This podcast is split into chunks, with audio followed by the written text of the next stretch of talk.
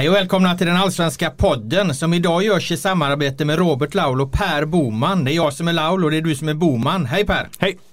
Idag ska vi prata om guldstriden förstås. Den hetaste sedan 2001, åtminstone i Stockholm. Vi ska prata om nya Kalmar, om Sportbladets granskning av AFC. Vi ska prata om Östersunds totala förfall och om Henke Larsson, Tänk om han ramlar ur allsvenskan igen.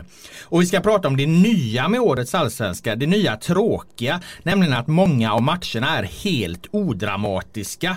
Men först ska jag hälsa dig tillbaka från semestern Per Boman. Den längsta semestern i Sportbladets historia. Nu ser ju inte ni lyssnare detta, men Boman han kom tillbaka med långt hår uppsatt i en hästsvans, ett stort skägg, ett par säckiga shorts och hade glömt av både lösenord till datorn, koden till kontoret och vad hans arbetskamrater heter. Men kul att du är tillbaka. Ge oss nu en bra spaning.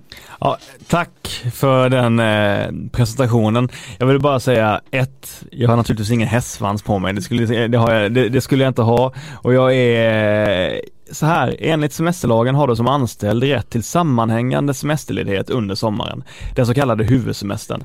Den omfattar 20 semesterdagar i följd, förlagda under sommaren mellan juni och augusti. Eh, nu tog jag visserligen 25 dagar, men ändå, mm. jag tycker inte jag har ingenting att skämmas över. Däremot vill jag hedra alla mina förfäder som slitit i flera generationer för att vi vanliga svenskar ska ha rätt till en sammanhängande semester på sommaren. Så jag ser det som att jag hedrar dem då. Och vad säger du om att jag bara fick två och en halv vecka och i övriga tiden har varit tvungen att liksom hålla det här skeppet flytande, hålla igång Sportbladets allsvenska bevakning, hålla igång podden, hålla igång omgångens lag, hålla igång matchbevakningen, hålla igång allt annat som har med allsvenskan att göra. Jag tycker du ska skylla en strukturell eh, underbemanning på de som styr skeppet snarare än en, en, en kamrat på golvet. Men, men vi, vi byter spår, jag ska börja med min, med min spaning då ja, som jag utlovat. hoppas jag att du har laddat för en spaning i alla fall. Det, det, det har jag rätt att kräva av dig när du har varit ledig nu i åtta veckor drygt. Absolut, absolut. Och eh, det jag tänkte kolla på då det är jag funderade på det redan förra sommaren eh, när AIK just hade gått förbi, eller antingen de var precis eh, jämnhöjd med Hammarby eller hade gått om Hammarby i, i den allsvenska tabellen där under sommaren 2018 och då var det ganska mycket, många hemmamatcher för AIK under sommaren och det var inte så mycket, det var liksom en del publik men inte så mycket. Det var 12 000 mot BP, 13 000 mot Kalmar, eh, 13 000 mot Elfsborg, eh, 13 000 mot Trelleborg sådär. Ehm, och sen är det ju är det Djurgårdens tur att liksom ha den bästa säsongen på sen 2005 ungefär får man ju säga. Visst de var bra 2017 eh, också men då jagade de egentligen Malmö hela året och nu har de den bästa säsongen på väldigt många år. Och då är det också sommarmatcher med lite, ganska lite publik. 13 000 mot AFC, 13 000 mot Sirius, 10 000 mot eh, eh, mot Elfsborg, 9 000 mot ÖFK, 12 000 mot Kalmar och sen visserligen 18 000 mot Malmö men det var ju verkligen en stor match. Så jag, jag, jag känner väl att, eh, att eh, att det är möjligt att jag har kanske för höga förväntningar på liksom vad storlagen ska kunna ha för publik under matcherna sådär och det finns ju förklaringar på, sem- på sommaren har många semester och motståndet har inte varit så sexigt i de matcherna som jag har tagit upp här men alldeles oavsett så är jag ändå lite överraskad över att när de enda två lag har haft så här exceptionella säsonger som AIK förra året och Djurgården detta året så hade jag väntat mig ännu större publiksiffror. Vad säger du? Ja, nej, det, det, ja, vi är många som har diskuterat det här och, och konstaterat precis det du säger och, och, och, gjort den här spaningen så det är bra att du eh, sätter fingret eh, på den. Eh, det kommer ju naturligtvis eh, öka sen när det spetsar till sig på allvar de sista matcherna. Jag menar, gemene man lever väl kanske inte så djupt inne i det här som eh, vi som bevakar det som de här eh, supporterkollektivet och, och de som alltid är där utan man ligger lite längre eh, ifrån laget och tio omgångar kvar, chans på guld. Det är inte lika hett liksom för, för de eh, marginalåskådarna där. Däremot fem omgångar kvar och chans på guld. Då händer någonting liksom, tror jag. Då, då, då kommer den här rusningen. Men jag tror att den, den kommer först Den kommer först komma in i, i, i september eh, och, och, och, kanske början av oktober. Då tror jag vi ser den här ökningen i, i, ifall Eh, till exempel Djurgården då ligger kvar vid, vid samma tabellposition som de gör eh, nu då. Det vill säga nu leder de med, med tre poäng. Men jag tror att det dröjer så, så länge då liksom innan, innan eh, där vi ser den där ökningen. Ja, för mig måste jag säga det är lite, lite överraskande för vad mer kan en marginalåskådare liksom drömma om än ett, ett superlag som vinner varje match och, och eh, dessutom mycket, gör mycket mål också och har massa nya profiler som Marcus Danielsson och sådär som alla älskar. Jag tycker att det är oväntat. Nej, nej, men man måste väl helt enkelt bygga det där på ett annat sätt. Alltså bygga det mer som Hammarby då. De, de radar ju upp, de har över 20 000 på varenda match liksom och de är ju inte med i guldstriden. Mm. Så att uppenbarligen så är liksom inte, inte uh, vinnarincitamentet uh, så starkt så här tidigt utan det kommer först när det verkligen, verkligen är på allvar och, och, och matcherna verkligen faktiskt kommer att avgöra om man vinner eller inte. Det, det, det är väl helt enkelt så den typen av publik eh, fungerar. Eh, jag tror att, eh, jag vet inte vad, vad förklaringen annat skulle vara. Nej. Och det gäller som sagt då både AIK förra året och, och Djurgården i år då. Mm. Bra, det var din spaning. Bra, den har du ruvat på här under semestern. Glädjer mig att höra. Välkommen tillbaka om jag inte sa det. Eh, guldstriden ska vi förstås inleda med som vårt första ämne här. Det är ju den hetaste sedan 2001 sa ju jag och då menar jag i Stockholm. Och då menar jag att 2001 kom ju Stockholmslagen etta, tvåa, trea. Hammarby vann, Djurgården var tvåa, AIK trea. Eh, nu, eh, då vann ju Hammarby som sagt. Ja, men nu är det Djurgården som leder med tre poäng och Leder man efter 20 omgångar då kan man ju leda efter 30. Har varit mitt mantra här ett tag nu. Ja, Skjuter det... du det Sank? Nej, verkligen inte. Det vore ju liksom orimligt för att jag ser ingen, eh, jag ser ju, alltså jag ser egentligen en svaghet med Djurgården just nu som är tydlig. Det är om någon av mittbackarna skulle gå sönder, om en mittback till skulle gå sönder, Marcus Danielsson eller Jakob Une Larsson, nu när Erik Berg är borta och kanske är borta hela året och om någon till skulle försvinna och de tvingas spela typ Jonathan Augustinsson som mittback. Det är det enda jag kan liksom tänka mig som skulle vara en riktigt stort slag mot Djurgården. I övrigt säger jag inte att, alltså jag tror, det är inte säkert att de liksom skulle vinna borta nu mot AIK och Malmö, men jag säger inte att de skulle falla igenom helt i alla fall. Så de kommer ju vara med hela vägen, det tror jag också. Emil Kujovic eh, kommer in i laget här nu också och eh, det, det, har ju varit en stor grej. Eh, det blev ju ett jäkla liv om den krönikan jag skrev om, om att Bosse Andersson hade dödat guldstriden och så. Men Eh, den var egentligen inte så spetsig som den, den lät utan eh, det var helt enkelt ett resonemang att om Kujovic nu är i det slag som han var 2015-2016 så är han en sån oerhört perfekt pusselbit i eh, Djurgårdsbygget. Alltså de, de har ju alltså de senaste månaderna fungerat på alla positioner. Till och med på målvaktspositionen har de ju fungerat eh, väldigt bra. Även om Tommy Vaiho kanske inte har testats fullt ut. Men det har fungerat. Det har fungerat egentligen på allt annat också. Eh, Förutom kanske just då på, på Mohamed Buya Turay, alltså den centrala anfallspositionen. Han gör ett jättebra jobb, skapar chanser, ytor och, och är bra på alla, alla sätt och vis. Men, men Kujovic spelartyp skulle ju vara något helt annat. Att, att få in den liksom storleken, kraften, den målskytten som han då var 2015-16. Eh, så så då, har, då har jag väldigt svårt att se att ens Malmö eh, petar ner eh, Djurgården. Sen ligger ju det, det här stora ommet då liksom. Vilket, vilket skick är han i? Vi har sett liksom hur lång tid det tog för Katja Niklis, Det tog en hel vår. Sen exploderade han efter att inte ha spelat på länge. Vi har sett Majdarevic. Det tog tid för honom att, att komma igång. Kujovic är lite äldre. Eh, han är större. Han kanske är mer svårtränad, vad vet jag. Men jag tänker mig liksom skicka in han på, på, på eh, med 20 minuter kvar i de matcherna där, där Djurgården sitter trångt till. Eh, så, så han är skadefri och så. Var, var, varför skulle inte han kunna göra en jävla nytta? Alltså jag menar, se på Nabil Bahoui för AIK. Ser jättefin ut även om han inte orkar så mycket så, så, så kommer han in och bidrar direkt. Så att det är ju många om och men och, och, och så men i, i, grunden finns det ju något väldigt, väldigt intressant med den här Kujovic-värvningen och, och, därför tycker jag det var rätt häftigt när serieledarna landar den här liksom sista nyckelpjäsen två timmar innan, innan transferfönstret. Då, då eh, då bredde jag på lite i krönikan där enligt, enligt Jan Guillous gamla princip faktiskt. För att Guillou sa ju det att när man skriver en krönika då ska den första tanken som läsaren ska få det ska vara så här, vad har den här jävla idioten nu skrivit? Den ska han läsa krönikan och så ska han tänka, ja ja, fanskapet kanske hade en poängen då. Mm. Ja men alltså absolut eh, det är ju ett stort om, det är ju det om Kujovic är lika bra som för fyra år sedan. Det, det, det är ju det, alltså jag tror att han skulle kunna bli lika bra igen på allsvensk nivå. Eh, det jag är lite orolig för är att han är ganska, han är stor liksom. Han, jag vet att de säger att han är väldigt bra tränad och sådär men jag, jag, om jag minns rätt nu så när han kom tillbaka till Norrköping eh, året innan de vann guld så om jag minns rätt så tog det ett halvår innan han, ja, innan, innan han kom igång liksom. Att han, att han såg lite otajmad ut och han, han såg lite han såg, han såg ut som sin brorsa liksom, Aysel Kujovic. Alltså han såg lite stel och, och just otajmad och tung ut. Och det är väl det då Djurgården får hoppas på att han, att han inte har det i sig första halvåret eh, den här hösten. Vad är det annars tycker du då som talar för mm. att eh, om, vi, om vi breddar guldstriden här då för det är ju i första hand då Malmö FF tre poäng bakom och nu möts de här lagen så de kan ju egentligen vara i kapp eh, rent poängmässigt redan nästa omgång. Vad skulle du säga eller vad skulle vi säga är det som egentligen som talar då för att Malmö, AIK respektive Hammarby kan gå i kapp och förbi Djurgården?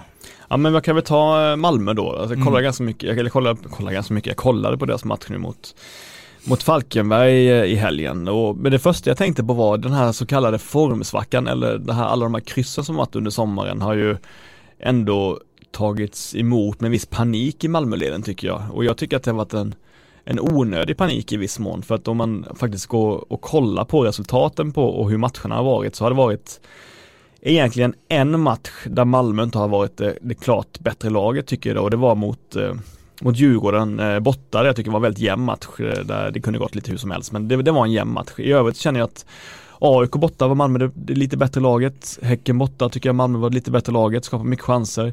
Eh, sen har vi Sirius hemma där de har 10 högkaratiga lägen. De har eh, Östersund borta där de har minst 10 otroliga lägen. Så att jag tycker under den här så kallade formsvackan så har, tycker inte jag att spelet har krackelerat vid något tillfälle utan jag tycker att de har varit dåliga på att göra mål helt enkelt. Så jag, jag, jag, jag tycker att om, man, om, om det här är en formsvaga så hade det varit en väldigt, om, om det här är en formsvacka så hade det varit en väldigt bra formsvacka att ha. Även om det ser illa ut med alla de här kryssen. Och jag tänkte bara ta in det angående det med att jag tycker att ett av problemen har ju varit att Rosenberg har gått ner lite i form samtidigt som Antonsson, när han då varit frisk och kunnat spela och Målins ännu fortfarande inte kan steppa upp liksom och, och ta den ta det ansvaret när Rosenberg inte är på topp eller inte spelar. Jag menar de brände ju som fan både mot Sirius och mot eh, mot ÖFK borta. Eh, och därför förstår jag då, för att ta in då på kanske lite mer på Malmö, att när de ställde upp nu mot Falkenberg så var det med då i ett 3-4-3 där,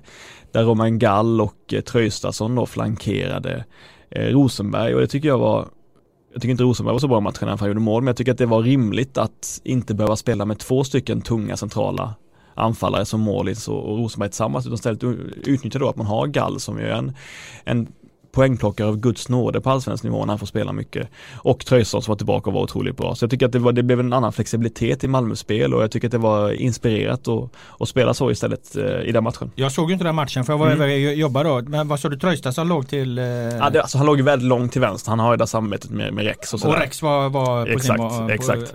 Ja, och sen Gall var lite mer fri i roll sådär men han kanske var lite mer till höger. Men det var lite, var i alla fall ja, 3-4-3 kanske inte var exakt men det var åtminstone två stycken mer offensiva mittfältare som flankerade Rosenberg istället. Men det är intressant, eh, eh, du, Traustason är tillbaka mm. och när Traustason var borta så tappar man inte bara Traustason, man tappar lite eh, Rex mm. också för att de har det här telepatiska samarbetet mm. där och, och det gjorde till exempel AIK bra när de mötte Malmö och skar av det här samarbetet och då slår man bort en hel del av, av Malmös offensiv just för att de två tillsammans är, är, är väldigt bra. Jag kom in på en diskussion med Alexander Axén häromdagen i, i, i pressrummet. Eh, Axén får en del skit och, och jag menar det ska ju experter ha såklart men, men han, ingen tvekan om att Alexander Axén kan jävligt mycket fotboll. Liksom. Mm.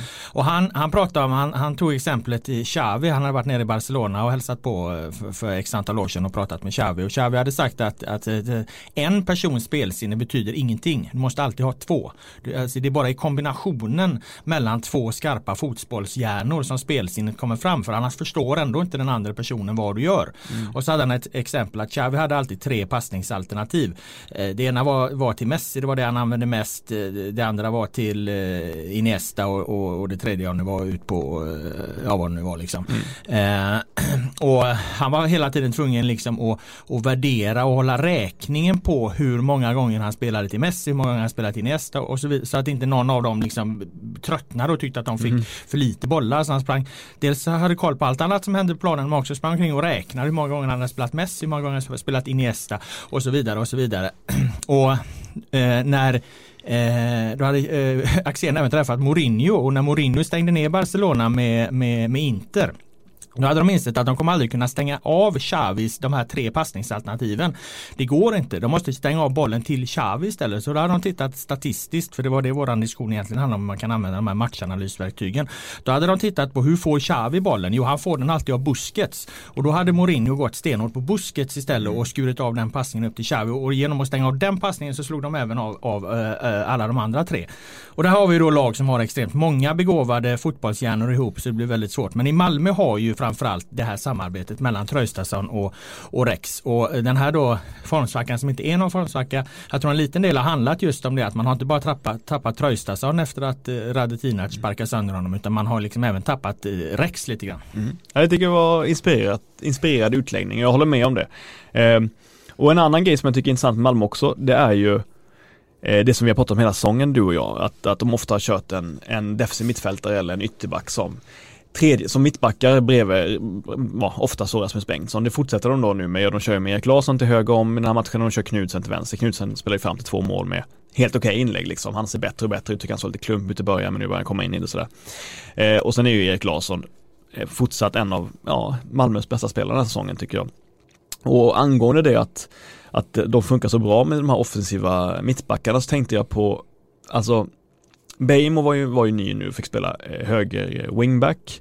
Eh, fick ganska mycket beröm. Jag tycker att kanske att det var lite lite för mycket beröm sett till hur han faktiskt eh, spelade. Det var väldigt tacksam match för Beijmo att ha. Fick... Ja du stormade ju här på redaktionen det första jag gjorde efter din ja. långa semester och sa att Beijmo måste petas mot Djurgården. Ja, ja, ja jo jag ska komma in på det. Jag, jag, jag tycker, jag tycker att Beijmo var helt okej okay, sett att, att det var hans första match på så pass länge.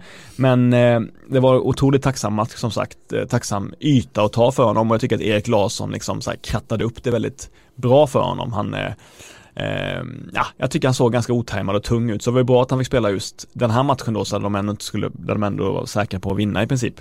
Men så här, jag tycker att om, om Lasse Nilsson har varit bättre igen, han blir ofta utskälld, men han har varit bättre de senaste matcherna. Alltså om man, jag tycker att det, det rimligaste hade varit att spela honom i mitten nu mot Djurgården och sen köra Erik Larsson till höger för att jag tycker inte Bejmo riktigt är redo för en sån stor match direkt. Jag tycker inte att det, jag tycker inte att det är en förstärkning av laget just nu att spela han i den matchen. Men enda skälet att göra det, det är om man tycker att Erik Larsson är så jävla bra som mittback så att man vill inte ändra på han. Jag menar, Erik Larsson gjorde mer offensivt som mittback, högermittback än vad Bejmo gjorde som höger wingback. Och det tycker jag är intressant ändå liksom. Jag tycker han är otroligt bra på att driva upp bollen och på För det är ju helt svårt att ta hand om en mittback som driver upp bollen på det sättet. Jag tycker han var väldigt, väldigt bra, Erik Larsson. Så att, eh, det skulle bara vara om, om man tycker att han är så bra i den rollen, då tycker jag att Bejmo kan få spela. Men det rimliga vore att köra Erik Larsson till höger och, och Lasse Nilsson tycker jag i höger mittbacksrollen. Eh, vi lämnar Malmö där och eh, prognoserna inför eh, seriefinalen. Eh, du säger det att eh, Malmös eh, formsvacka, ryktet om den är lite överdrivet. Mm. Jag skulle däremot vilja göra en radioövergång här och gå in på AIK och säga att de är nere i en formsvacka.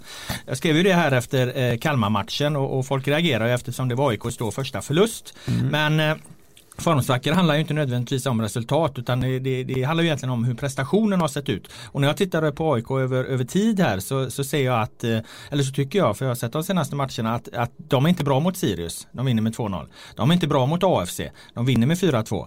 Eh, de är egentligen inte bra i, i sheriffmatcherna heller eh, men vinner borta där med 2-1 efter de här två snabba målen och så har de 1-1 eh, på hemmaplan. Och sen kommer då förlusten mot Kalmar lite som ett, ett brev på posten.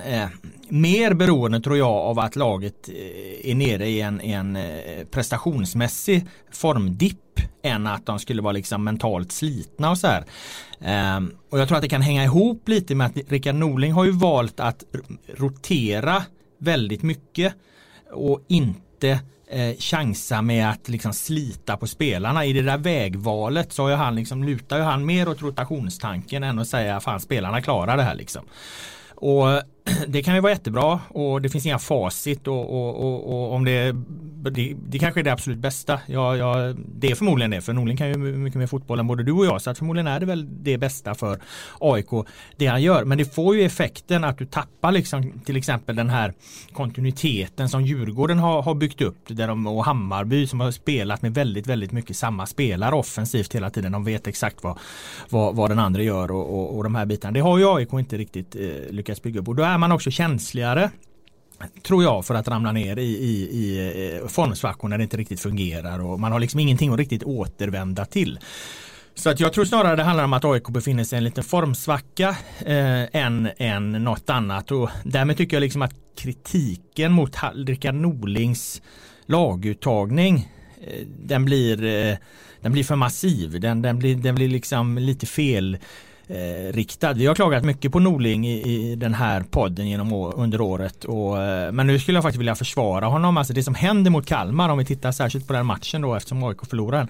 Det är ju att de släpper in igen mål i första halvlek. De släpper igen in tidiga mål precis som de gjorde mot AFC. De släpper in två mål i första eh, halvlek här. Eh, och det gör de trots att Norling har behållit eh, samma backlinje. Där har han ju verkligen valt att, att hålla den här. För han har sett det att, liksom att, att vi är sårbara just nu.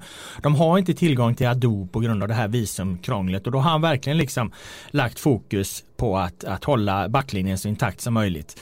Sen får det då följdeffekten att det blir den här lite konstigare laguttagningen längst fram. Men det är ju inte den som gör att de släpper in två mål. Det är inte den som får effekten att det blir som det blir det, visst, det påverkar ju anfallsspelet och så men det är eh, Felix Michel att han spelar anfallare har ju ingenting att göra med att AIK släpper in två mål i första halvlek. Så att för, förstår du, man tittar liksom på fel saker här, man blandar ihop de där grejerna. Och det sista jag vill säga om Norling startade var det att eh, Bilal Hussein då som, som har en olycklig halvlek och blir utbytt i paus eh, och inte kommer rätt in i det i sin roll. Alltså man måste ju spela den typen av spelare i, i den typen av matcher. Du måste ju liksom under en säsong låta de unga spelarna få chansen att, att, att det sen liksom bidrar till, till en överraskande förlust här. Det, det, det, kan man inte säga så där skulle han inte ha gjort. Jag menar hur ska du annars göra? Du måste kasta ut de här spelarna på, på det djupa så de får lära sig och, och simma lite då och då. Alltså det, det, det, det är ju inte heller konstigt eh, tycker inte jag. Och att Arek Elinussi är på sin liksom plats där han har varit mest under säsongen kan jag inte heller kritisera för att han gör ju faktiskt sin bästa match. Så att det var ett besvärligt läge för Norling men att bara utifrån resultatet nu knyta till att Norlings laguppställning var, var katastrofal. Jag köper inte det. Kritiken är för billig. Den, den, det är för, för enkla poäng. Eh, inte ens jag plockar så enkla poäng.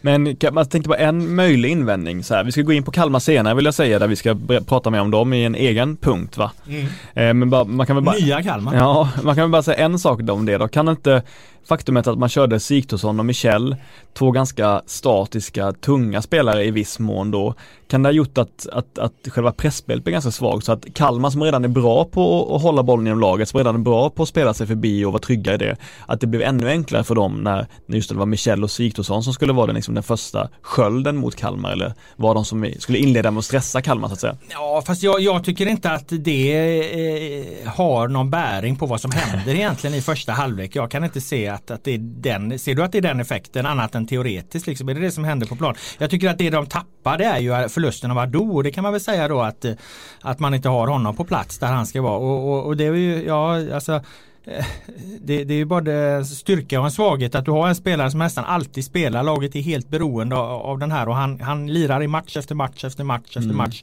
Och det är jättebra att ha en sån spelare, det vill, vill ju alla kunna ha. Men, men då finns ju också risken att den dagen han inte är där, då mm. har du ingen som är riktigt inkörd i den eh, rollen och då kommer det få en effekt. Det tror jag har mycket större bäring på matchutvecklingen än det du nämner att, att eh, eh, Michel och Stig Thorsson då inte är de rappaste pressspelarna. Så jävla långsamma är de ju inte. Jag menar eh, Nej men just det, jag menar just det, det kan ju kanske gjorde det ännu mer bekvämt för Kalmar att ha äga större del av matchbilden än de kan sluta Ja det, det, absolut men jag ser inte att det, det, det har någon direkt bäring på det. Det som däremot Norling liksom mellan raderna lite erkände och det är svårt att lasta honom för men det är klart att i en perfekt värld och med, en perfekt tränare så ska man kunna se det. Det var ju att Kalmar överraskade ju alla. Mm. Eh, Kalmar var ju mycket, mycket bättre än, än någon hade trott. Mm. Eh, att de liksom skulle inte bara spela som bra fotboll, kombinationer längs marken rakt igenom, utan även vara ganska skarpa framför mål. Det har vi inte sett tidigare den här säsongen. Vi har fått eh, delar av det, men vi har inte fått helheten från liksom Elm till, till Herrem då, den här nya, nya norrmannen som som störde en hel del där uppe och, och, och så vidare. Vi ska gå in djupare på Kalmar ja. som sagt. Men vad jag vill säga där är att jag tror att det, det, det, var nog ingen som hade räknat med att Kalmar skulle vara så här bra. Och ja visst, då, det, det kanske man då ska klandra Norling för. Och det antydde han väl lite grann att utifrån hur bra Kalmar faktiskt var så blev startelvan inte bra. Det var ganska svårt att veta och det är heller inte det som är huvuddiskussionen här. Liksom. Huvuddiskussionen hamnar på Felix Michels anfallare. Mm. Problemet var att, att Ado var borta.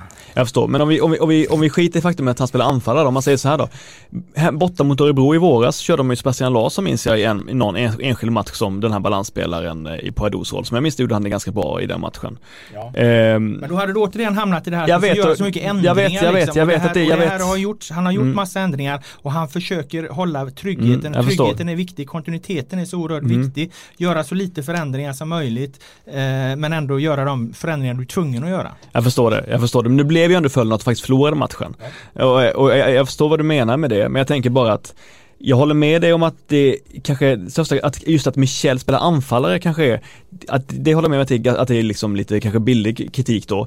Men däremot kan jag förstå om man hade funderat kring att kanske velat ha Sebastian Larsson eller Michel som just i den ankarrollen. Men jag säger inte att det skulle avgöra matchen, men jag kan förstå den kritiken mer i alla fall.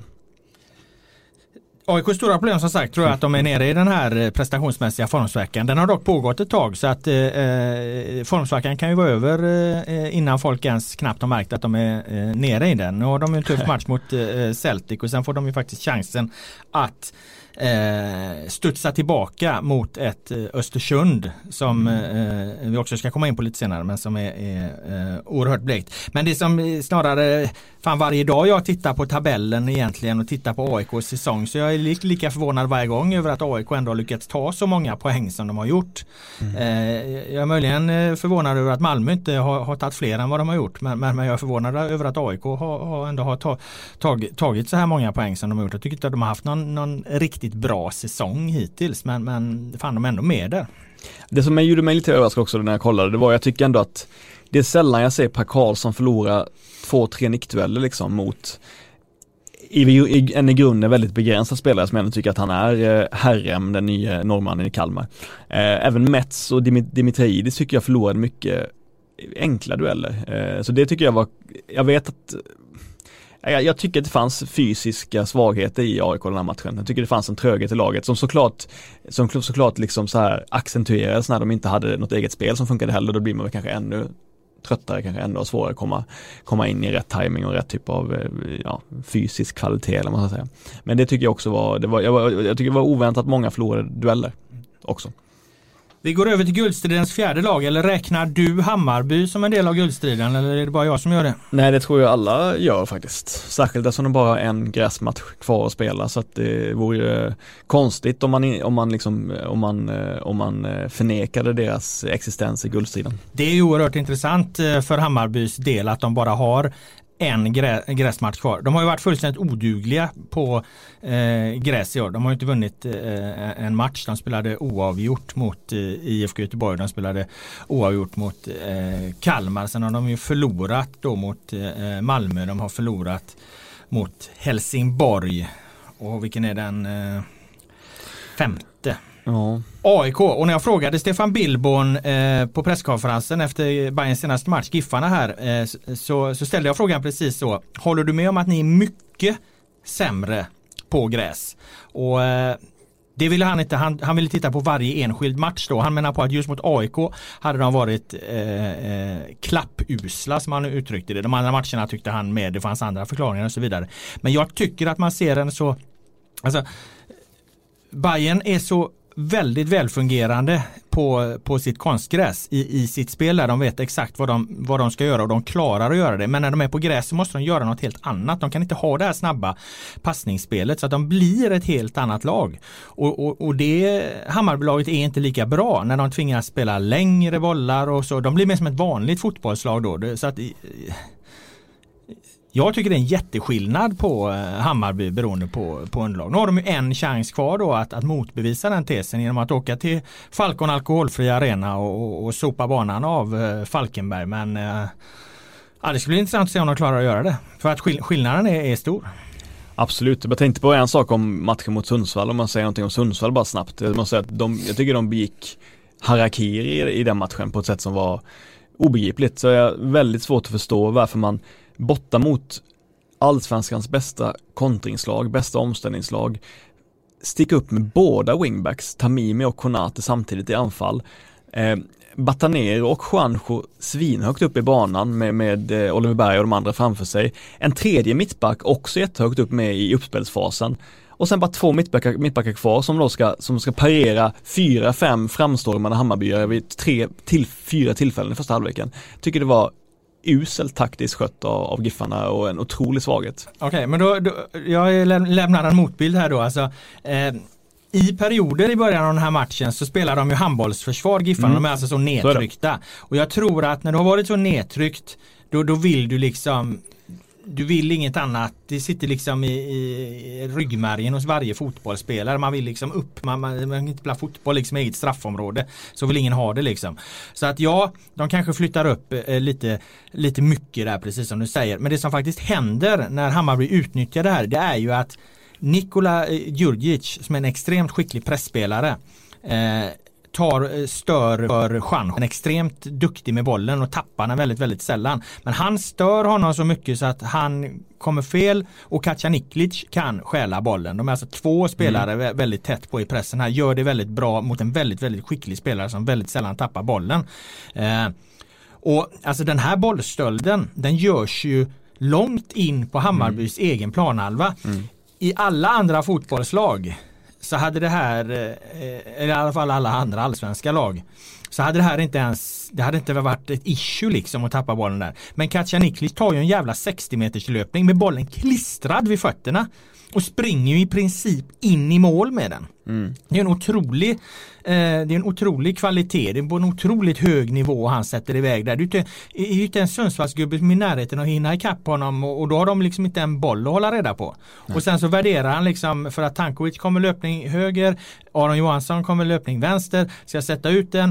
Eh, Sundsvalls två backar som är kvar, de blir osäkra, de lämnar en liten mm. lucka han hugger direkt in i den luckan och placerar den borta. Det är ett fantastiskt mål, en fantastisk mm. prestation av, av Kacaniklic. Det är den en, enskilt högsta prestationen på, på fotbollsplanen där. Högre än liksom Tanko, vad Tankovic än gör som får, folk vill ha in i landslaget och så här nu. Så att, eh. Nej men jag, ja, jag håller med om det, att det var jättebra Hammarby, jätte, jättebra Hammarby, men jag upplever att Giffarna inte är lika bra längre. Du sa att Juanjo är väldigt bra, han tappar sällan bollen, men i år upplever jag att både Juanjo och Batanero tappar bollen jätteofta på ett sätt som de absolut inte gjorde förra året. Och de tappar till och med bollen när det är halvdan press liksom. Och jag tycker att det är nästan som två helt andra spelare i år jämfört med förra året. Men är det inte lite Blåvitt syndromet där då? I, i våras så gick Blåvitt som tåget och, mm. och folk undrar vad fan håller de på med liksom och sen så får man mer respekt, man lär sig dem. Jo. Allt det här är det ju Sundsvall. Sundsvall är ju så mycket bättre scoutade och de jo, lägger upp planer för dem hur de ska pressa dem och, och förra året var det som att ingen riktigt fattade vad fan håller de på med liksom. I år har alla läst sönder det där och mm. då ligger ju de liksom tvärsist i tabellen. Jag menar bara möter man Bayern borta, har två stycken bolltrygga men extremt tröga innermittfältare som inte kan jobba hem längre. Så det är jävligt farligt att sätta sig i de lägena som de gjorde. Absolut, det bara det jag så är det, så är Och jag tycker om man ska anfalla mot Hammarby, då får man ju fan försöka lägga lite bollar bakom deras ytterbackar någonting mm. som i princip är yttre, göra någonting liksom. Inte försöka anfalla centralt, men skit i det. Eh, det var Hammarby gjorde också en väldigt bra insats. Ja, och eh, den här matchen såg ju ungefär ut som det brukar se ut när Hammarby spelar på, på eh, hemmaplan eh, mot de här lite sämre lagen då. Nu mötte de ju jumbon liksom, men det har sett li ut eh, likadant i andra matcher egentligen när, när de har, har mött lagen på, på eh, nedre tabellen. Och eh, det var väl egentligen samma grej också där du var. Eh, du, för du var ju på Djurgården AFC då på, ja. på Tele2. Och jag vet inte, det leder oss in på nästa ämne här. Den tråkiga delen av allsvenskan som jag kallade den. Att jag upplever att skillnaden och överlägsenheten mellan de här topplagen är större. Det är en del mm. matcher som, som nästan är plågsamma att se. Mm. Jag tror att det var Djurgården-Sirius jag var på här nu i, innan. Och jag kände efter 30 minuter alltså fan stäng av liksom. Mm. Jag satt där alltså blå, blåsa av det här. Det, det, det, det, det, det är plågsamt alltså. Det är sån jävla överlägsenhet. Mm. Har det varit det? Var det så? Nu var jag borta två år här från 2017-18. Alltså var, det så jävla, var de så jävla överlägsna? Alltså? Ja, det var ju dåliga bottenlag förra året också med, Ja. med Dalkurd och sådär. Ja, de åkte ju rakt ut. Ja, det var en del Men du har upplevt det i många och Trelleborg, matcher nu, och Trelleborg liksom. också. Ja, jag, upplever, ja, jag upplever att det har varit en trend de senaste två, tre åren att storlagen har blivit mycket, mycket bättre än Mm. bottenlagen. Jag, jag skrev en krönika i vår svenska bibel inför året där jag menar att till slut har vi fått en ekonomisk en, en, en eko- ekonomiska stormakt i Allsvenskan som har vett och, och kunskap att utnyttja det. Så Mm. att, eh, jag, jag, tror- jag tror att vi kommer ha samma sex, sju topplag i Allsvenskan de närmsta tio åren. Liksom. Ja. Jag tror inte det kommer, kommer bryta, brytas in så mycket nya lag. Jag tror det kommer vara mycket mer cementerat jämfört med förr i tiden. Och det är ju en spaning som många haft men jag, jag känner att det verkligen är så nu att det, det är sex, sju topplag och sen ja, är det inte så mycket mer. Nej, för, för, för, för jag upplever det att, att tidigare har det någonstans ändå Hey there, it's Michelle Norris. I'm host of a podcast called Your Mama's Kitchen. When I travel, I'm usually looking for a way to find a taste of home when I'm not at home. And one of the things I love to do when I am at home is entertain. And Airbnb allows me to do that. When I was in California recently, I rented a house that had a great kitchen. And when we were sitting around the table, we were all thinking, we're in someone else's house. Someone could be in all of our homes as well. If you have a home, but you're not always at home, you have an Airbnb. Your home might be worth more than you think. Find out how much at airbnb.com/slash host. Snacket innan har varit så, ja men det här ska bli en enkel seger och kanske har det blivit en enkel, halvenkel seger, det har blivit 3-1 liksom. Men, men i, när man sätter sig liksom på Tele2 nu och ser Djurgården, Hammarby mot de här lagen eller för all del Malmö FF mot Falken, Falkenberg här. Falkenberg som ändå kanske är det bästa bottenlaget eller ett bottenlag som har varit i ganska bra form, kör över dem med 5-0. Alltså det är en sån oerhörd skillnad alltså. Det är så mycket sviter också numera. Ja. Malmö har 18 matcher utan förlust eller vad nu är liksom. eh, Ja, Djurgården har ju 13 Djurgården nu, exakt. Så och, det är, och Bayern, ja. Bayern får ju åtta raka nu Ja. som, eh, mot, eh, mot Falkenberg. Om de inte förlorar så åtta raka utan förlust. Det blir Ja. inte åtta raka segrar. Men, Men det är ju så här jättelånga sviter hela Ja. tiden liksom. Och det, ty- det tyder ju på att det är ett, extremt ojämlik alls- allsvenska. Ehm, det laget då som motbevisade hela den här tesen egentligen. Den här omgången. Det var ju Kalmar. Mm. Som vi nämnde lite kort här när, tidigare när vi pratade om AIK. Mm. Men eh, eh, enligt vårt resonemang så borde ju AIK liksom dundrat över Kalmar med 4-5-0 där då. Men det gjorde de inte utan Kalmar vann med, med eh, 2-1. Och känslan efteråt var ju att det här var ett Kalmar med tre startelvsdebutanter. De hade fått in eh, nyförvärv Jesper Mans eh, eh, till höger, Alexander Jakobsen centralt och den här herrem då, eh, norrmannen där som kom från norska succélaget Bodø Glimt. Eh, spelade division 3 fotboll för ett och ett halvt år sedan men gjort succé i, i, i succélaget, 6 mål 15 starter.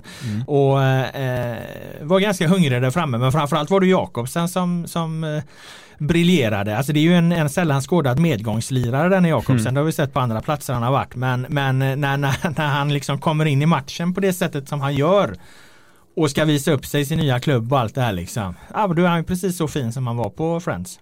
Ja, alltså jag tycker ju så här, jag, jag, tycker Kalmar har varit väldigt bra, inte väldigt bra, men bra i spelet vid många insatser den här säsongen. Alltså helt okej i grundspelet liksom.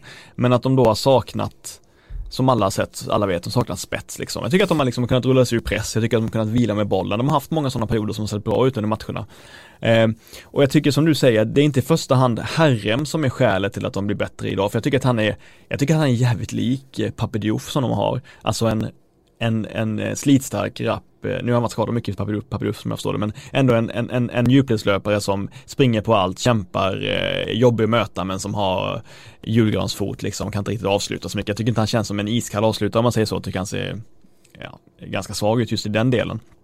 Men eh, därför tycker jag då att det är Jakobsen, att få in den spetsen, att få in den, att få in den, den, det lugnet med boll så högt upp i banan tycker jag är, är, var väldigt värdefullt för, för, för Kalmar liksom. Jag förstår att de sökte, de sökte med Kalm, spelade Rasmus Elm eh, i den rollen, var det eh, borta, hemma mot AIK till Ja, mot exempel. AIK var ju Elm eh, forward. Exakt, en liknande roll som ja, Jakobsen, Han var jättebra exakt. där. Ja, exakt. Sen har ju han sina problem också. Så, så de har försökt det. Jag tycker också att det var jävligt kul att se innermittfältsparet då med eh, Romario som har varit väldigt bra spelare i många år men också eh, är det Rafinha han Ja, heter? Rafinha. Ja exakt, de har ju Rafael och Rafinha där. Men Rafinha för han påminner, det, nu fick, det, nu fick man äntligen se det, de var ju väldigt bra för två år sedan när det var Romario och Ismael på innermittfältet. Ismael var också otroligt, otroligt bra innermittfältare och eh, när de hade de två ihop så var ju, var det inte, gick ju i princip inte att ta bollen från Kalmar och nu kände jag att det var en liknande, liknande på liknande sätt igen. Så jag, så jag, jag tycker kanske inte att det är ett helt nytt Kalmar men jag tycker att det är ett, eh, ett Kalmar som har byggt vidare på det de är bra på och blivit lite, lite spetsigare. Mm.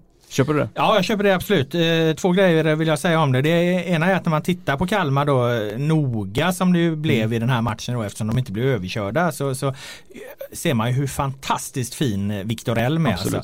Eh, mittbacken där inte och, och då tänker jag inte bara i försvarsspelet, det är han bra på också, men alltså den passningsfoten han har där nere, att, att liksom bara i blindo vinkla över bollen ut på högerkanten med, med, med vänstern för att han vet att det, det är ledigt där ute så han kan bara, bara, bara lägga ut den. Alltså den, den passningskvaliteten i backlinjen, alltså AIK då som, som är, ska vara Sveriges representant ute i Europa, men inte i närheten av att ha den, den eh, passningstryggheten i backlinjen som, som man får genom att eh, eh, Viktor Elm och våga rulla ut på Viktor Elm och, och, och Viktor Elm vågar liksom vänta till passningsläget uppstår för att han är så väldigt, väldigt trygg med med, med bollen. Så att i den regionen av ta, delen av tabellen så, så kan nog Kalmar bli eh, hö, något av höstens lag. Jag tror de kommer klättra ganska många placeringar om de, om de inte åker på massa skador och skit liksom. Men han var väldigt, väldigt bra. Det andra jag måste säga.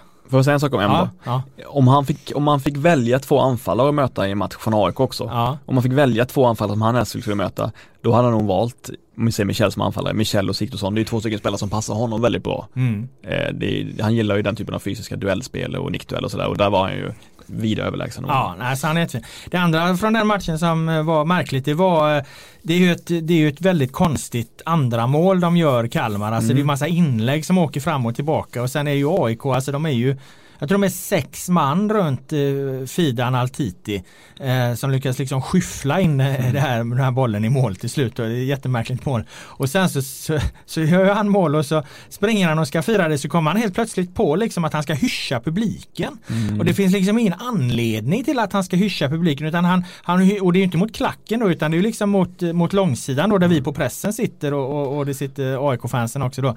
Eh, så då hyschar ju han där liksom och åker på en varning i eh, samma veva liksom. Så det är konstigaste målgest jag, jag någonsin har sett. Ja, man han, har- det var ja. hans till sjunde eller åttonde gula kort dessutom så att det, det var mycket märkligt. Ja, man har ju sett en sån som Tobias Gran liksom ge slängkyssar till AIKs publik, men han är också en som blir, han blir utbuad i hela matchen innan så han har ju Ja men då sätt- finns det en historia Exakt. eller någonting och det var det jag Exakt. tänkte. Jag tänkte direkt när han, när han liksom efter eh, tre sekunder efter han gjort sitt mål kommer på att han ska hyscha publiken så, så tänkte jag vad fan har han någon historia med AIK här? Har det hänt någonting? Men jag menar han var ju för fan inte ens på den kanten och spela liksom. Alltså, det, det, Utan att säga för mycket så är det ju ett skumt gult kort, så kan man Ja säga. det får man ju Mm. definitivt säga. Ehm, sen då på presskonferensen efter var ju intressant eh, för att det handlar mycket om, om Norlings taktik och så och så satt ju Magnus Persson och, eh, och jag kom ju på långt långt senare att jag skulle givetvis eh, skrivit i ingressen att den förre Djurgårdstränaren kom till eh, Friends och, och la sig i guldstriden. Han kom, han såg, han störde.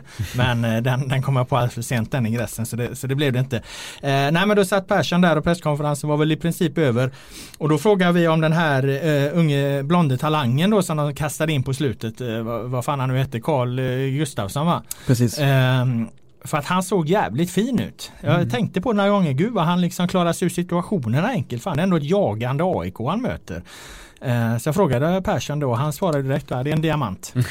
och sen började han jämföra honom med, med, med Rasmus Elm då, att det var en ny Rasmus Elm. Och det är spännande, det här var en spelare som de har lyft upp från akademin ganska nyligen, gett ett nytt kontrakt. Inte en jävel utanför för liksom eh, Kalmars eh, stadsmur har ju någonsin hört talas om den här killen. Och sen så säger Magnus Persson ett par ord på presskonferens, det är diamant, det är ny Elm och så vidare. Det blir rubriker i varenda sportsida liksom. Så nu har ju alla som är intresserade av svensk fotboll har ju liksom lite halvkoll på att eh, fan, fan är en ny Elm på gång liksom. Och ibland vill man vara motvalls också och jag vill tänkte vara det just i det här fallet för jag såg både på att Norling liksom sa så här, ja har man Rasmus Elm då kan man ju lätt gå in och stänga en match. Och jag tycker att eh, Elm gjorde en del bra saker när han kom in under den korta tiden. Men jag måste också säga att han gjorde en del en del felbeslut. Ja, alltså Elm såg jag knappt. Nej, och, och, nej men, alltså, men, Rasmus Elm. Ja exakt, han skulle in och döda matchen, hålla bollen, spela enkelt, liksom eh, hitta, lugna ner spelet, se till så att AIK inte kan, kan få en forcering. Nej, men, men det var ju den här nya Elm som gjorde det. Jag vet, han, gjorde, ja, han det. gjorde det. Men jag tycker ja. att Rasmussen, han, när han kom in, då tycker jag att han tappade boll ganska många gånger ja. på, på ett ganska slarvigt sätt. Så ibland tycker jag att det är liksom på autopilot ibland när man hyllar vissa spelare. Och jag gillar Rasmus jättemycket i grunden liksom. Men bara i det här fallet kände jag att det, nej jag tycker inte han gick in och hjälpte till att stänga matchen. Tvärtom tycker jag att han på många sätt gjorde så att AIK kunde ta tillbaka bollen. Det var bara det jag ville säga. Ja, eh, jag uppfattar Norlings där som lite som är som en känsla och så har ja. de ju Rasmus Elm ja. och kunna slänga in och det är klart att då blir det inte lätt och Nej, så vidare. Så är det ju. Eh, men eh, som sagt, en ny hjälm där. Eh, jag vet inte om du tänkte på han men, men eh, Jag tyckte både, både han och Rafael York så, så här märkligt bekväma ut i en situation när man bevakar ledning borta mot AIK och det är ju positivt för dem. Så här mycket har vi inte pratat om Kalmar eh, sammanlagt på alla andra poddavsnitt och det var som jag la ut på Twitter också där. Det har inte fått många positiva rubriker eh, Kalmar-fans men fick de två i samma tidning dagen efter den matchen. Jag har ju en, en, eh, en Kalmar-supporter som brukar hö, hö, höra av sig på höra av sig till mig efter matcherna. Han har låtit mer och mer förtvivlad efter varje match den här säsongen. Han har slitit sitt hår över Magnus Persson. Nu har jag faktiskt inte hört ett ljud av honom så han måste väl befinna sig i liksom ett, ett, ett lyckorus som ännu inte har gått över. Men då lägger jag en sista varning varningsflagg. Jag tror fortfarande att de kommer ha stora problem i offensiven. Jag tror, jag tror fortfarande inte att de har några anfallare som kommer göra mycket mål under resten av hösten. Det vill jag säga. Det kommer vara samma gamla visa för Kalmar här framöver då, alltså. Jag tror att det finns en risk för det, ja. Eh, ja, då vi, vi stänger vi Kalmarämnet med den spaningen.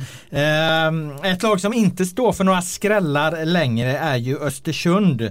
Herregud vilket enormt ras den klubben har gjort. Det är ju alltså ett totalt förfall eh, jämfört med, med för några år sedan. Alltså det här, det här raset, det är ju så fundamentalt, det är så djupt, det, det är så monumentalt att jag tycker att det överskuggar Eh, prestationerna här från bak i tiden på något vis. Alltså jag vet att då när det liksom den här här, ekonomiska härvan avslöjades så var det många som skrev liksom att eh, det här får inte ta bort någonting av Östersunds prestationer och, och bla bla bla. Alltså, men, men när, när det går så jävla, svängarna är så jävla stora och, och, och, och eh, skillnaderna så enorma så, så, så, så, blir det svårt liksom. Det känns så mycket som att det där var en mans verk den här framgången och då tänker jag på Graham Potter och jag är väldigt väldigt försiktig med att hylla tränares betydelse för fotbollslag. Mm. Men i det här fallet så kan jag inte komma till en annan slutsats att han måste ha haft en oerhörd hög på, på detta Östersund på värvningarna de gjorde,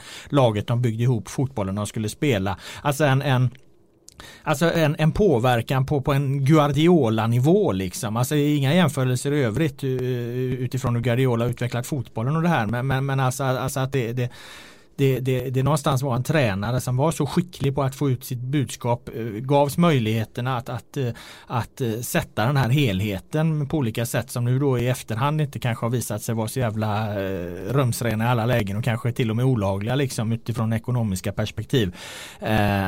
Men ja, helt enkelt en mans verk.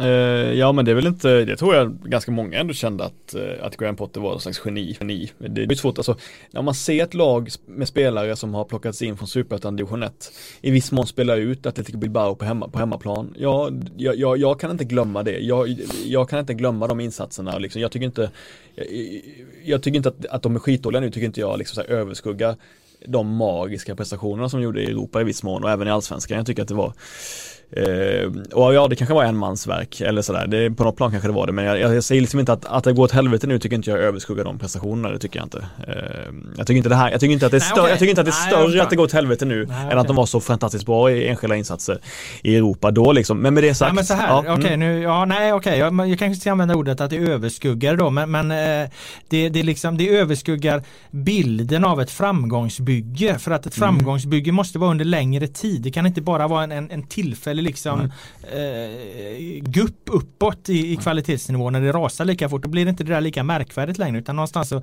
så, så måste det vara mer beständigt. Ett bygge måste vara mer beständigt eller mer bestående. Eh, för att annars har det kommit annars väcker det för många frågetecken över hur det har kommit till. Mm. Vad, vad, vad, hur var det egentligen med ekonomin? Hur var det med de här spelarna de värvade? Hur mycket var just bara pott Potters förtjänst snarare mm. än att det här var liksom Östersund. Alltså vi ska inte, mm. ifall, det jag menar är att vi ska inte prata om Östersund. Har inte, Östersund har inte gjort något. Det var Potter som gjorde det. Liksom. Det är han vi ska prata om. Östersund är ingenting för dem. Nu är de ju ingenting. Liksom. Förstår du hur jag tänker? Ja, jag, jag, ja jag, förstår, jag förstår vad du menar. Jag förstår vad du menar. Men alltså, om man ska säga någonting om ÖFK nu så är det så är det, det sen sommaren och framåt så är det det absolut sämsta laget jag sett i Allsvenskan. Sämre än AFC, sämre än Giffarna, sämre än Falkenberg. De enskilda insatserna som jag sett ÖFK göra, till exempel mot, mot, mot Sundsvall och sen mot Elfsborg sådär. Jag tycker att de har varit fruktansvärt dåliga. Eh. Vad är det då som är så fruktansvärt dåliga så att de till och med är sämre än AFC om du får utveckla det för det är ganska det är, en, det är en hård dom och jag känner här att i objektivitetens namn så måste jag ställa den frågan. Nej men jag känner att de inte har Alltså Birchna skulle ju, han, han rekryterades som någon slags minipotter och sådär. Eh, och de hade ju första året där när han kom, första halvåret så hade han ju tio raka, fan nästan seger eller vad sådär. Men nu i år så har det ju varit ett, det har ju varit det har ju bara varit ett hopkok av, av provspelartyper från England. Eh, de har, de har ingen ryggrad kvar av laget. Vilka, vilka är kvar från de som, som mötte som mötte Arsenal och sådär tidigare. Det är ju Mukibo och några till. Det är Tom Pettersson som ser halvskadad ut. Det, det är ju Ali Keita i mål. Eh, ja, Islamovic satt på bänken då liksom. Det är, ju, det är ju inte alls många kvar helt enkelt. Nästan inga alls. Och det är klart att det kommer se mycket, mycket sämre ut då. Och de är inte samspelta. De är nya spelare hela tiden, nya wingbacks. Det, det ser det ser illa ut och det jag frågar mig framförallt, det jag tycker är det sjukaste med ÖFK, det var att de tjänade alltså in runt 50-60 millar typ på Europa League-spelet. Och sålde Saman god och så Kensema för ganska mycket pengar ändå vad fan är pengarna liksom? Vad, vad har pengarna tagit vägen i, i, i ÖFK? De går fortfarande liksom förlust ofta liksom och sådär, eller de liksom klarar precis verksamheten och så vidare. Vad fan, vad fan har pengarna tagit vägen? Jag ja, det är inte Leif Östling som ska ställa den här frågan utan det är ÖFK-fansen. Ja. Vad fan har vi fått för pengarna? Ja, precis, precis. Men jag, jag måste jag, är jätte, jag kan inte förstå vad alla pengarna tagit vägen i den klubben. Och vad är det som gör att de har tvingats handla på den tredje hyllan liksom istället för att kunna förstärka med, med eh, åtminstone hyfsade spelare. Liksom. Det börjar ju en rättegång här nu i eh, september som jag ska åka upp på mm. eh, mot eh, förre ordförande Daniel Kindberg med flera. Det kanske framkommer någonting om det då, vi får väl se. De tittar väl i och för sig längre bak i tiden här men, men mm. eh, under sådana här rättegångar brukar ju både det ena och det andra komma fram så att vi, vi får väl se. Eh, nej men det är klart att eh, och, och att det är ett monumentalt ras där och att de är, är väldigt dåliga. Och det jag menar, det, det, det, var det här liksom jag i grund och botten i hela den här diskussionen om, om eh, att man ska spela en egen fotboll och allt det här som var för något år sedan och även så. ja. det, det, det, var liksom det här jag oroade mig för. Att när man, när man försöker, gör, när man försöker kopiera det Östersund gjorde, då riskerar man ett väldigt, väldigt hårt fall. Och det är väl någonstans det de har för, försökt med. De har försökt bygga vidare på någonting som är väldigt, väldigt svårt att uppnå. Som, som egentligen man kanske bara bara, det här kommer bara hända, det kommer inte hända på hundra år där.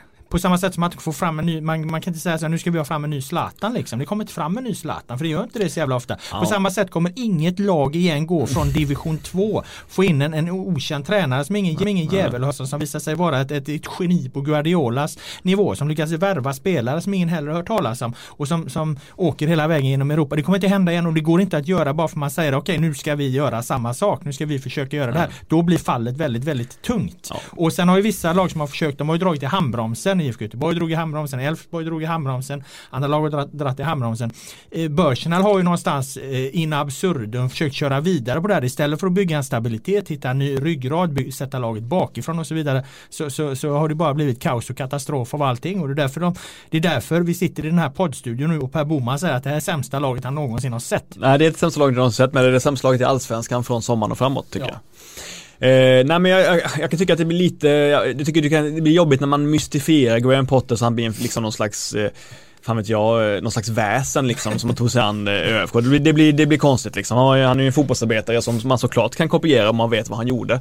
Men, och det tycker man att de borde veta vad han gjorde i ÖFK. Eh, sådär. De borde haft större möjlighet att, jag kan förstå att man försökte gå vidare på ett liknande spår eftersom de ändå hade många människor som hade jobbat. Nu var det ju så att Potter tog med sig väldigt många av ledarstaben till, till England. Men jag menar, jag förstår att man, att man vill köra vidare på något liknande för det är det man har sålt in till alla nya spelare och sådär. Så att jag, jag, jag, det kan inte vara det, det kan inte blev så bra men jag kan förstå att man tog det beslutet. Man brukar prata om lag som kommer blandas i guldstriden. Kommer Östersund blandas i bottenstriden på allvar? Ja det tror jag. Ja, nu är det så väldigt många dåliga lag i botten i Allsvenskan i, i år eh, så att de kan ju klara sig på grund av det men Alltså jag tycker egentligen bara att det är Sundsvall och AFC just nu som är riktigt dåliga. Och AFC blixtrar ju till och med till ibland och är, är, är lite halv, halvbra. Sundsvall är ju riktigt generalusla. Alltså det är ju det ja. laget man det är ju det laget som, som man totalt fullständigt har, har, har missbedömt. Liksom. Alltså, det var mycket tjafs om mitt tips hit och dit. Jag tycker mm. jag ligger ganska bra på det tipset. Alltså jag har två grova fel. Ja. Alltså det är IFK mm. Göteborg som har gått mycket bättre. Mm. Men eh, det var ju ingen annan även heller som trodde att Blåvitt skulle göra. Så det var ju kanske inte så konstigt bara att mitt stack ut lite där.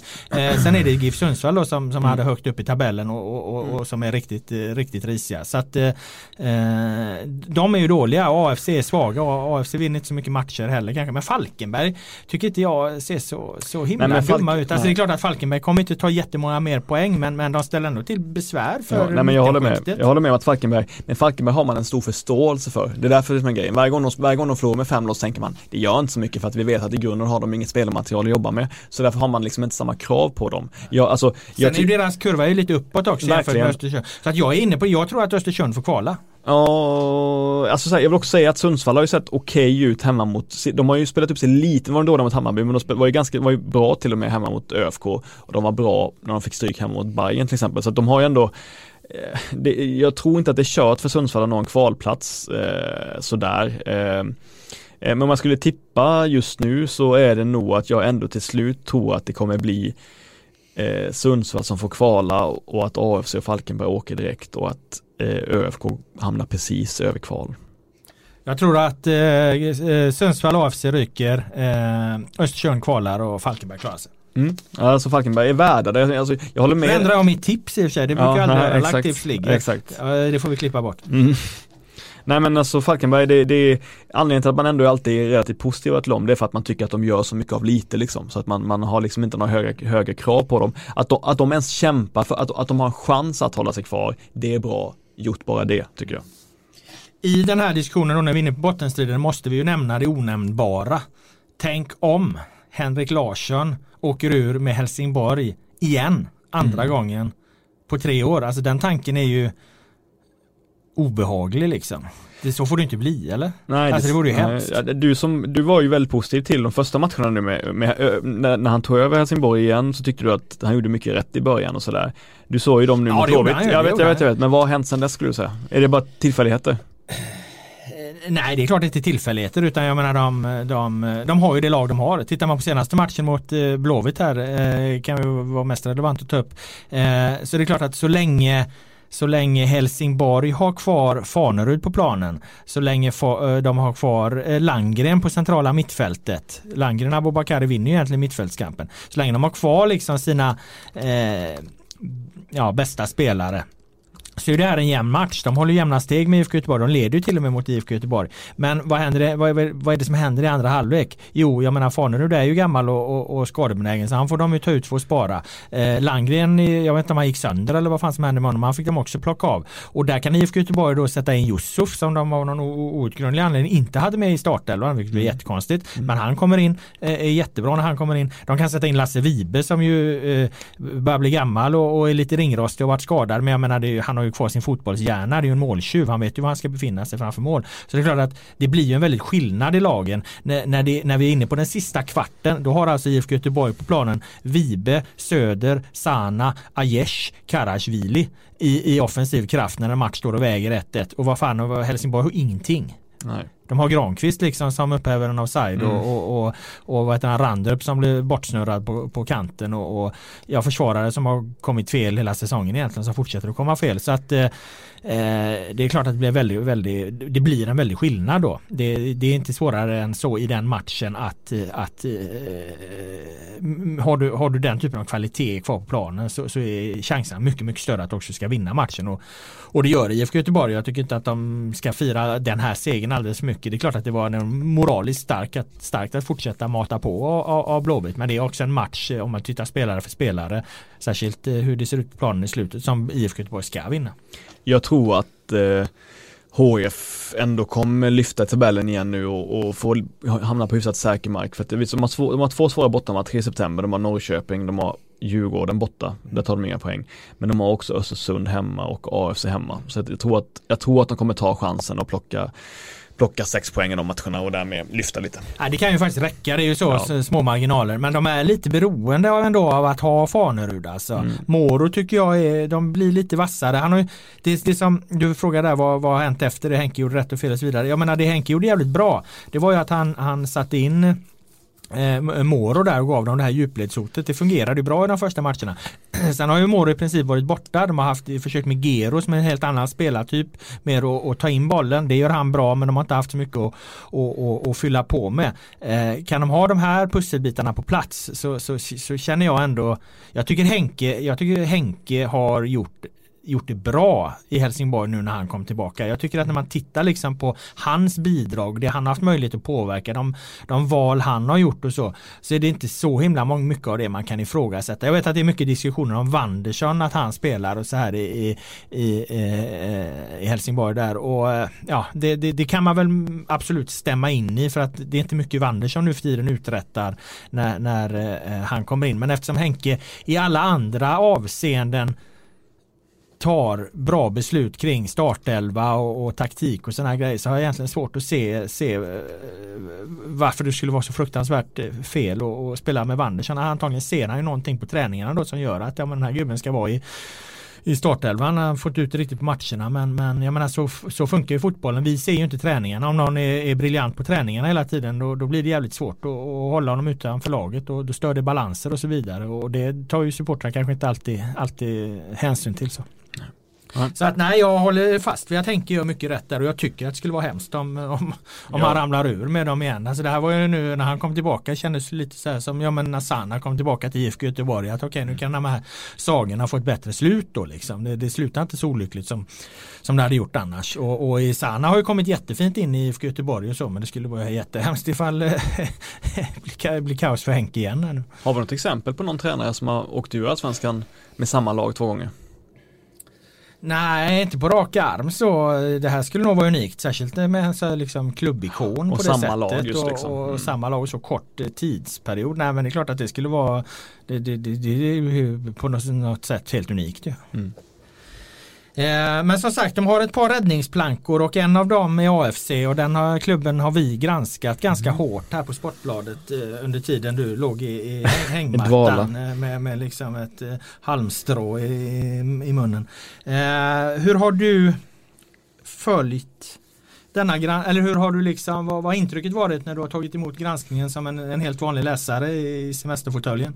Ja men att, att AFC verkar bestå, att det verkar vara en ganska otrygg svag spelartrupp som eh, Ja men i, i, som, som inte liksom riktigt vågar säga ifrån, som inte vågar, som, som, som eh, så här att de har ett, ett gäng unga spelare som kanske inte har som kanske inte vågar eller kan säga, säga emot liksom starka ledare som Ryssholm eller, eller Manse och så vidare. Det känns som att det kanske blivit en väldigt asymmetrisk situation där, där man har kunnat vara, ha ganska så här, diktatoriska metoder typ. För jag menar, det som ni har dragit fram, att man kallar spelare för socialfall, att man skickar ut dem på eh, jävligt osäkra lån i liksom satellitstater, att man, att man eh, att man beter sig maktfullkomligt mot uh, unga spelare. Det är, väl den, det är väl det jag tar med mig som jag tycker är, känns jävligt osunt. Mm. Det är lite svårt för mig att ha för mycket åsikter om det. Jag har jobbat som reporter eh, med det och när jag jobbar som reporter med vissa grejer så försöker jag att det liksom inte ha för tydliga åsikter och så för det påverkar eh, reporterarbetet då. Men, men det som har slagit mig i den här granskningen och det vi har tagit fram det är ju någonstans bilden av Nemanja Miljanovic som ju man har, har upplevt i alla lägen som så oerhört sympatisk och eh, velat väl och eh, det var kul i våras när det gick bra för AFC och, och, och, och Manse då liksom eh, satte en, en, en, taktik som till de större lagen hade svårt liksom att, att bryta igenom där i kuppen tänker jag på. De slog ut AIK bland annat och, och man gillade liksom eh, honom och, och hans lagbygge. Och han var, verkar som sagt väldigt eh, sympatisk då. Men sen, sen kommer det fram att det finns en annan sida av honom. Jag har ju hört de här ljudinspelningarna och det låter ju inte likadant som det gör på presskonferenserna. Så, mm. så, så är det ju. Det är ju andra ord och det är, andra to, det är en annan ton och, och, och eh, Ja, jag, jag, det har kommit fram och det personer jag pratat med som också sagt att han har, han har två sidor liksom. Mm. En, en, han visar en utåt, han visar en, en annan inåt och ibland kanske man måste göra det. Jag vet inte, det, det, det är väl så liksom att du måste ha, kunna ha en hårdare sida och, och säga till på, på skarpen men, men inte på det sättet som det har gjorts här. Alltså, våran granskning handlar ju egentligen om, det är ju egentligen en, en granskning utifrån vad är det för arbetsmiljö mm. i den här eh, föreningen, i den här klubben. Vad, vad, vad, vad de för arbetsförhållanden? Sen kan det vara massa konflikter hit och dit och så, det slängs ord fram och tillbaka liksom, men det övergripande är någonstans liksom, vad är det för arbetsmiljö? Och jag tror ingen kan säga att arbetsmiljön i AFC är bra och därför har det varit viktigt att, att plocka fram den. Så här har arbetsmiljön varit. Effekterna av den här granskningen har ju inte blivit alls så stora och starka som de blev när vi granskade BP, Brommapojkarna, förra året. Utan eh, även om man skulle säga att de exempel vi har tagit fram kring AFC har egentligen varit värre och allvarligare än vad som framkom om, om eh, BP. Så blev det ju mycket större och starkare reaktioner eftersom det finns ett helt annat tryck på att så här får det inte ske i, i BP än vad, det är, än vad det har varit i AFC eh, och att det då var ju kanske större namn i att Daniel Majstorovic var inblandad i BP. Det, det, det drev ju också på det. Plus att BP skötte det väldigt dåligt. Jag tycker ändå någonstans att AFCs krishantering har, har, har varit ganska bra i, i det här skedet. De har liksom inte gått bort sig allt för mycket. Men det har inte blivit något tryck på något sätt att eh, vad fan är det som händer utan jag tyckte att Simon Bank som skrev krönikan om, om AFC hans rubrik sammanfattade väldigt bra liksom. Ingen kan vara förvånad. Det är ungefär så alla har reagerat. Bara, ja men det där är AFC så, så där funkar det. Och det är egentligen ganska tragiskt att, att man, man, man tycker att ja, man, man tycker att det funkar så dåligt i klubben som man inte ens förvånar när sånt här händer som ju är väldigt allvarligt. Jag upplever att det är en, en, en, en klubb som där allting sköts lite hafsigt och slafsigt liksom där det är ad hoc-lösning på ad hoc-lösning och eh, initiativ som inte förankras och fram och tillbaka, upp och ner och sådär och då, då antar jag att när det är så mycket kaos hela tiden så antar jag att det är väldigt lätt att man Eh, att enskilda människor kan hamna i kläm då och att man inte känner att man har kraft eller tid att bry sig om det. Så tänker jag att det kan vara också. Nu kom det ju en nyhet kring detta eh, igår då utifrån när det här spelas in att tre tilltänkta, tilltänkta styrelseledamöter eh, hoppade av sitt engagemang då de hade bestämt sig för att gå med i AFC här i slutet av juli men nu hoppar de av då. Man kan väl misstänka i alla fall att, eh, att det har med våran granskning att göra. Det kommer i alla fall tidsmässigt eh, passar du in där. Eh, det hade ju inneburit att eh, Nemanja Miljanovic hade klivit av då från sin tredje stol. Han är ju tränare, sportchef och styrelseledamot vilket, vilket ju är en, en, en organisation som man inte i längden kan ha. Han skulle ju här då klivit av i styrelsen och det skulle kommit in nya. Nu får vi se hur de löser det här då. Mm. Eh, det ska ju i veckan vara ett extrainsatt styrelsemöte så att vi följer frågan vidare. Mm. Och avslutar den här eh, podden, Per Bomans comeback-podd med mm. ett par läsarfrågor. Ja. Eh, där är en jävel som vill hylla Boman för hans långa semester men det kommer icke på några villkor att ske utan om den semestern har vi uttryckt oss klart och tydligt och lämnar den frågan. Erik skriver vem drar längsta strået i guldstriden? Pistolen mot huvudet Per Boman. Vilka vinner allsvenskan 2019? Malmö FF. Och jag säger Hammarby. Lagt tips ligger. När får Ian Burchnell sparken undrar Peter. Vi har varit inne på Östersund. Här borde man sparka honom. Vi har varit inne på ett par mm. tränare som ska sparkas här. Magnus Persson har vi berört. Vi har berört ja. Jimmy Tillin. Vi har berört Joel Cedergren. Ja. Eh, nu har ju både liksom eh, Persson och, och Tillin de har ju liksom tagit bort sig själva från den diskussionen. Eh, och Cedergren har vi sagt att det går liksom inte utan det projektet hänger för mycket på honom. Är det Birchnall nu som liksom sparkningsdiskussionen ska handla om? Jag tycker att eh Birchnall så, i hans fall så ser inte jag, han har haft eh, ett, ett år på sig ungefär nu. Jag ser inte riktigt vad han har gjort med laget som är speciellt. Jag ser inte riktigt vad han vill göra. Jag tycker mycket så fram och tillbaka. Jag eh, skulle inte gråta blod över dem om de tog in någon annan för att rädda ett kontrakt till exempel. Bra, ett klart och tydligt svar där. Eh, sista frågan då Johan. Han läste Leifbys krönika om att Simor mer eller mindre gett upp sändningen av Allsvenskan vad gäller engagemang och produktion och jag är beredd att hålla med. Vad är er syn på saken? Nej, att det var tydligt senaste tiden att eh, att man slår, som Leif beskrev, att man sitter och kollar på en match på Simor och det är en minut snack efter, efter halvtidssignalen eh, och sen är det man får kolla på en vattenspridare i 12 minuter och sen är det en intervju med en tränare inför andra halvlek på 22 sekunder ungefär. Och sen efter matchen så är det ingen studio utan det är två spel, två, en kommentator och en expertkommentator som pratar ner matchen i fyra minuter, pratar med någon i två minuter, visar highlights i två minuter och sen är det slut. Utan det är ju tydligt att de har verkligen nedprioriterat det. Eh, och det är ganska, fått en ganska svag reaktion av eh, de allsvensk fotbollsintresserade. Jag ser liksom inte att det har varit någon hetsig stämning mot det eller någon besvikelse utan folk verkar liksom tycka att det är ganska okej okay ändå. Okej okay liksom, men jag måste säga att jag tycker att det är dåligt. Nu hade de ju eh, studio på Helsingborg, mm. IFK Göteborg av ja, alla matcher. Ja. Eh, det var lite oväntat. Kompensation va? Ja det är möjligt. Nej men de ska väl ha det då. Eh, Eh, apropå Simon måste jag bara säga så här, Erik Edman en rolig kommentar i matchen eh, Helsingborg-Blåvitt för att i, i 37 minuten eh, ställning 0-0, en bedrövlig fotbollsmatch på ganska många sätt. Så säger, säger Edman att det är en riktigt, riktigt bra halvlek av, av eh, det här. Jag tänkte bara, vad i alltså, du måste tänka på orden Erik, riktigt, riktigt bra, det är starka ord alltså. Det här var en, mm. det här är en match som pendlar mellan 1 och 2 plus i, i kvalitet liksom. Jag Om tror, man är snäll så kanske 2 plus då. Jag tror just det beror på det och det är att på många sätt hade det varit bra att tränarutbildningslingot har tagit sig in i, i svensk fotbollsjournalistik. Jag tror att det har varit bra liksom, att man har en ambition att förklara varför folk spelar som de gör och varför uppbyggnadsfasen ser ut så och tredjemanslöpning och så vidare. Jag tror, jag tror att det liksom kan vara att det har, varit, det har varit väldigt bra och intressant liksom. Ibland tror jag det kan bli lite överdrift dock. Ibland blir det som att expertkommentatorer som kanske själva vill bli tränare sitter och pratar för andra tränare. Det är som att de sitter på en tränarkurs liksom och dissekerar spelet liksom sådär. Så att ibland kan det bli lite lite, fikonspråk på det sättet och ibland kanske man kanske blir för imponerad av eh, fan vet jag, Livestams eh, maskerade passning upp på Fanerud eller någonting liksom. Alltså det kan bli liksom lite, det kan bli lite, det kan bli lite väl då, så jag tror att det, det kan vara det man fastnar i då. Mm.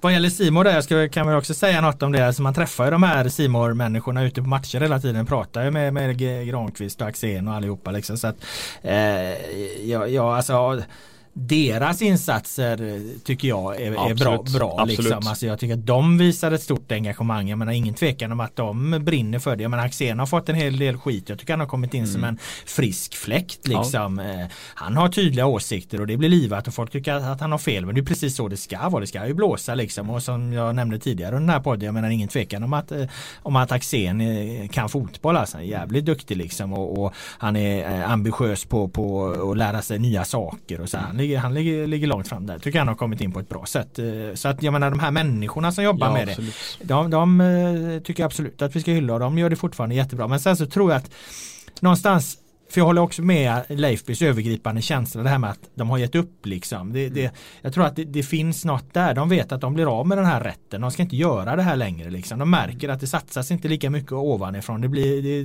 det läggs inte lika mycket pengar. Det tas bort lite tjänster här och var liksom. Och, och då, då det är klart att då det försvinner den där sista glöden liksom. Mm. Det är klart att den, den försvinner. Det hade gjort för vilket bolag som helst. Liksom. Så jag tror att det, det, handlar mer om, mer om eh, ja, den här situationen hur den är. Att de faktiskt blir av med rättigheterna än, än eh, Simor liksom. Jag håller med dig. Som enskilda experter så jag är orolig för att Simons tappade för jag tycker att de har skött det väldigt bra. Jag tycker mm. att de har haft mycket, väldigt mycket bra expertkommentator som jag lär mig någonting av, av att höra på liksom. Så att jag är, jag är inte alls säker, säker på att det kommer bli bättre med, med en ny kanal. Kanske tvärtom till och med. Nej, vi får se hur det blir när eh, nya rättighetsinnehavare tar över nästa år. Eh, tack så mycket Per Boman för att du kom tillbaka från din semester någon jävla gång och eh, var här med dina kloka synpunkter och åsikter. Eh, jag tackar alla er som har lyssnat också och den allsvenska podden är tillbaka med ett nytt avsnitt nästa vecka. Tack så mycket!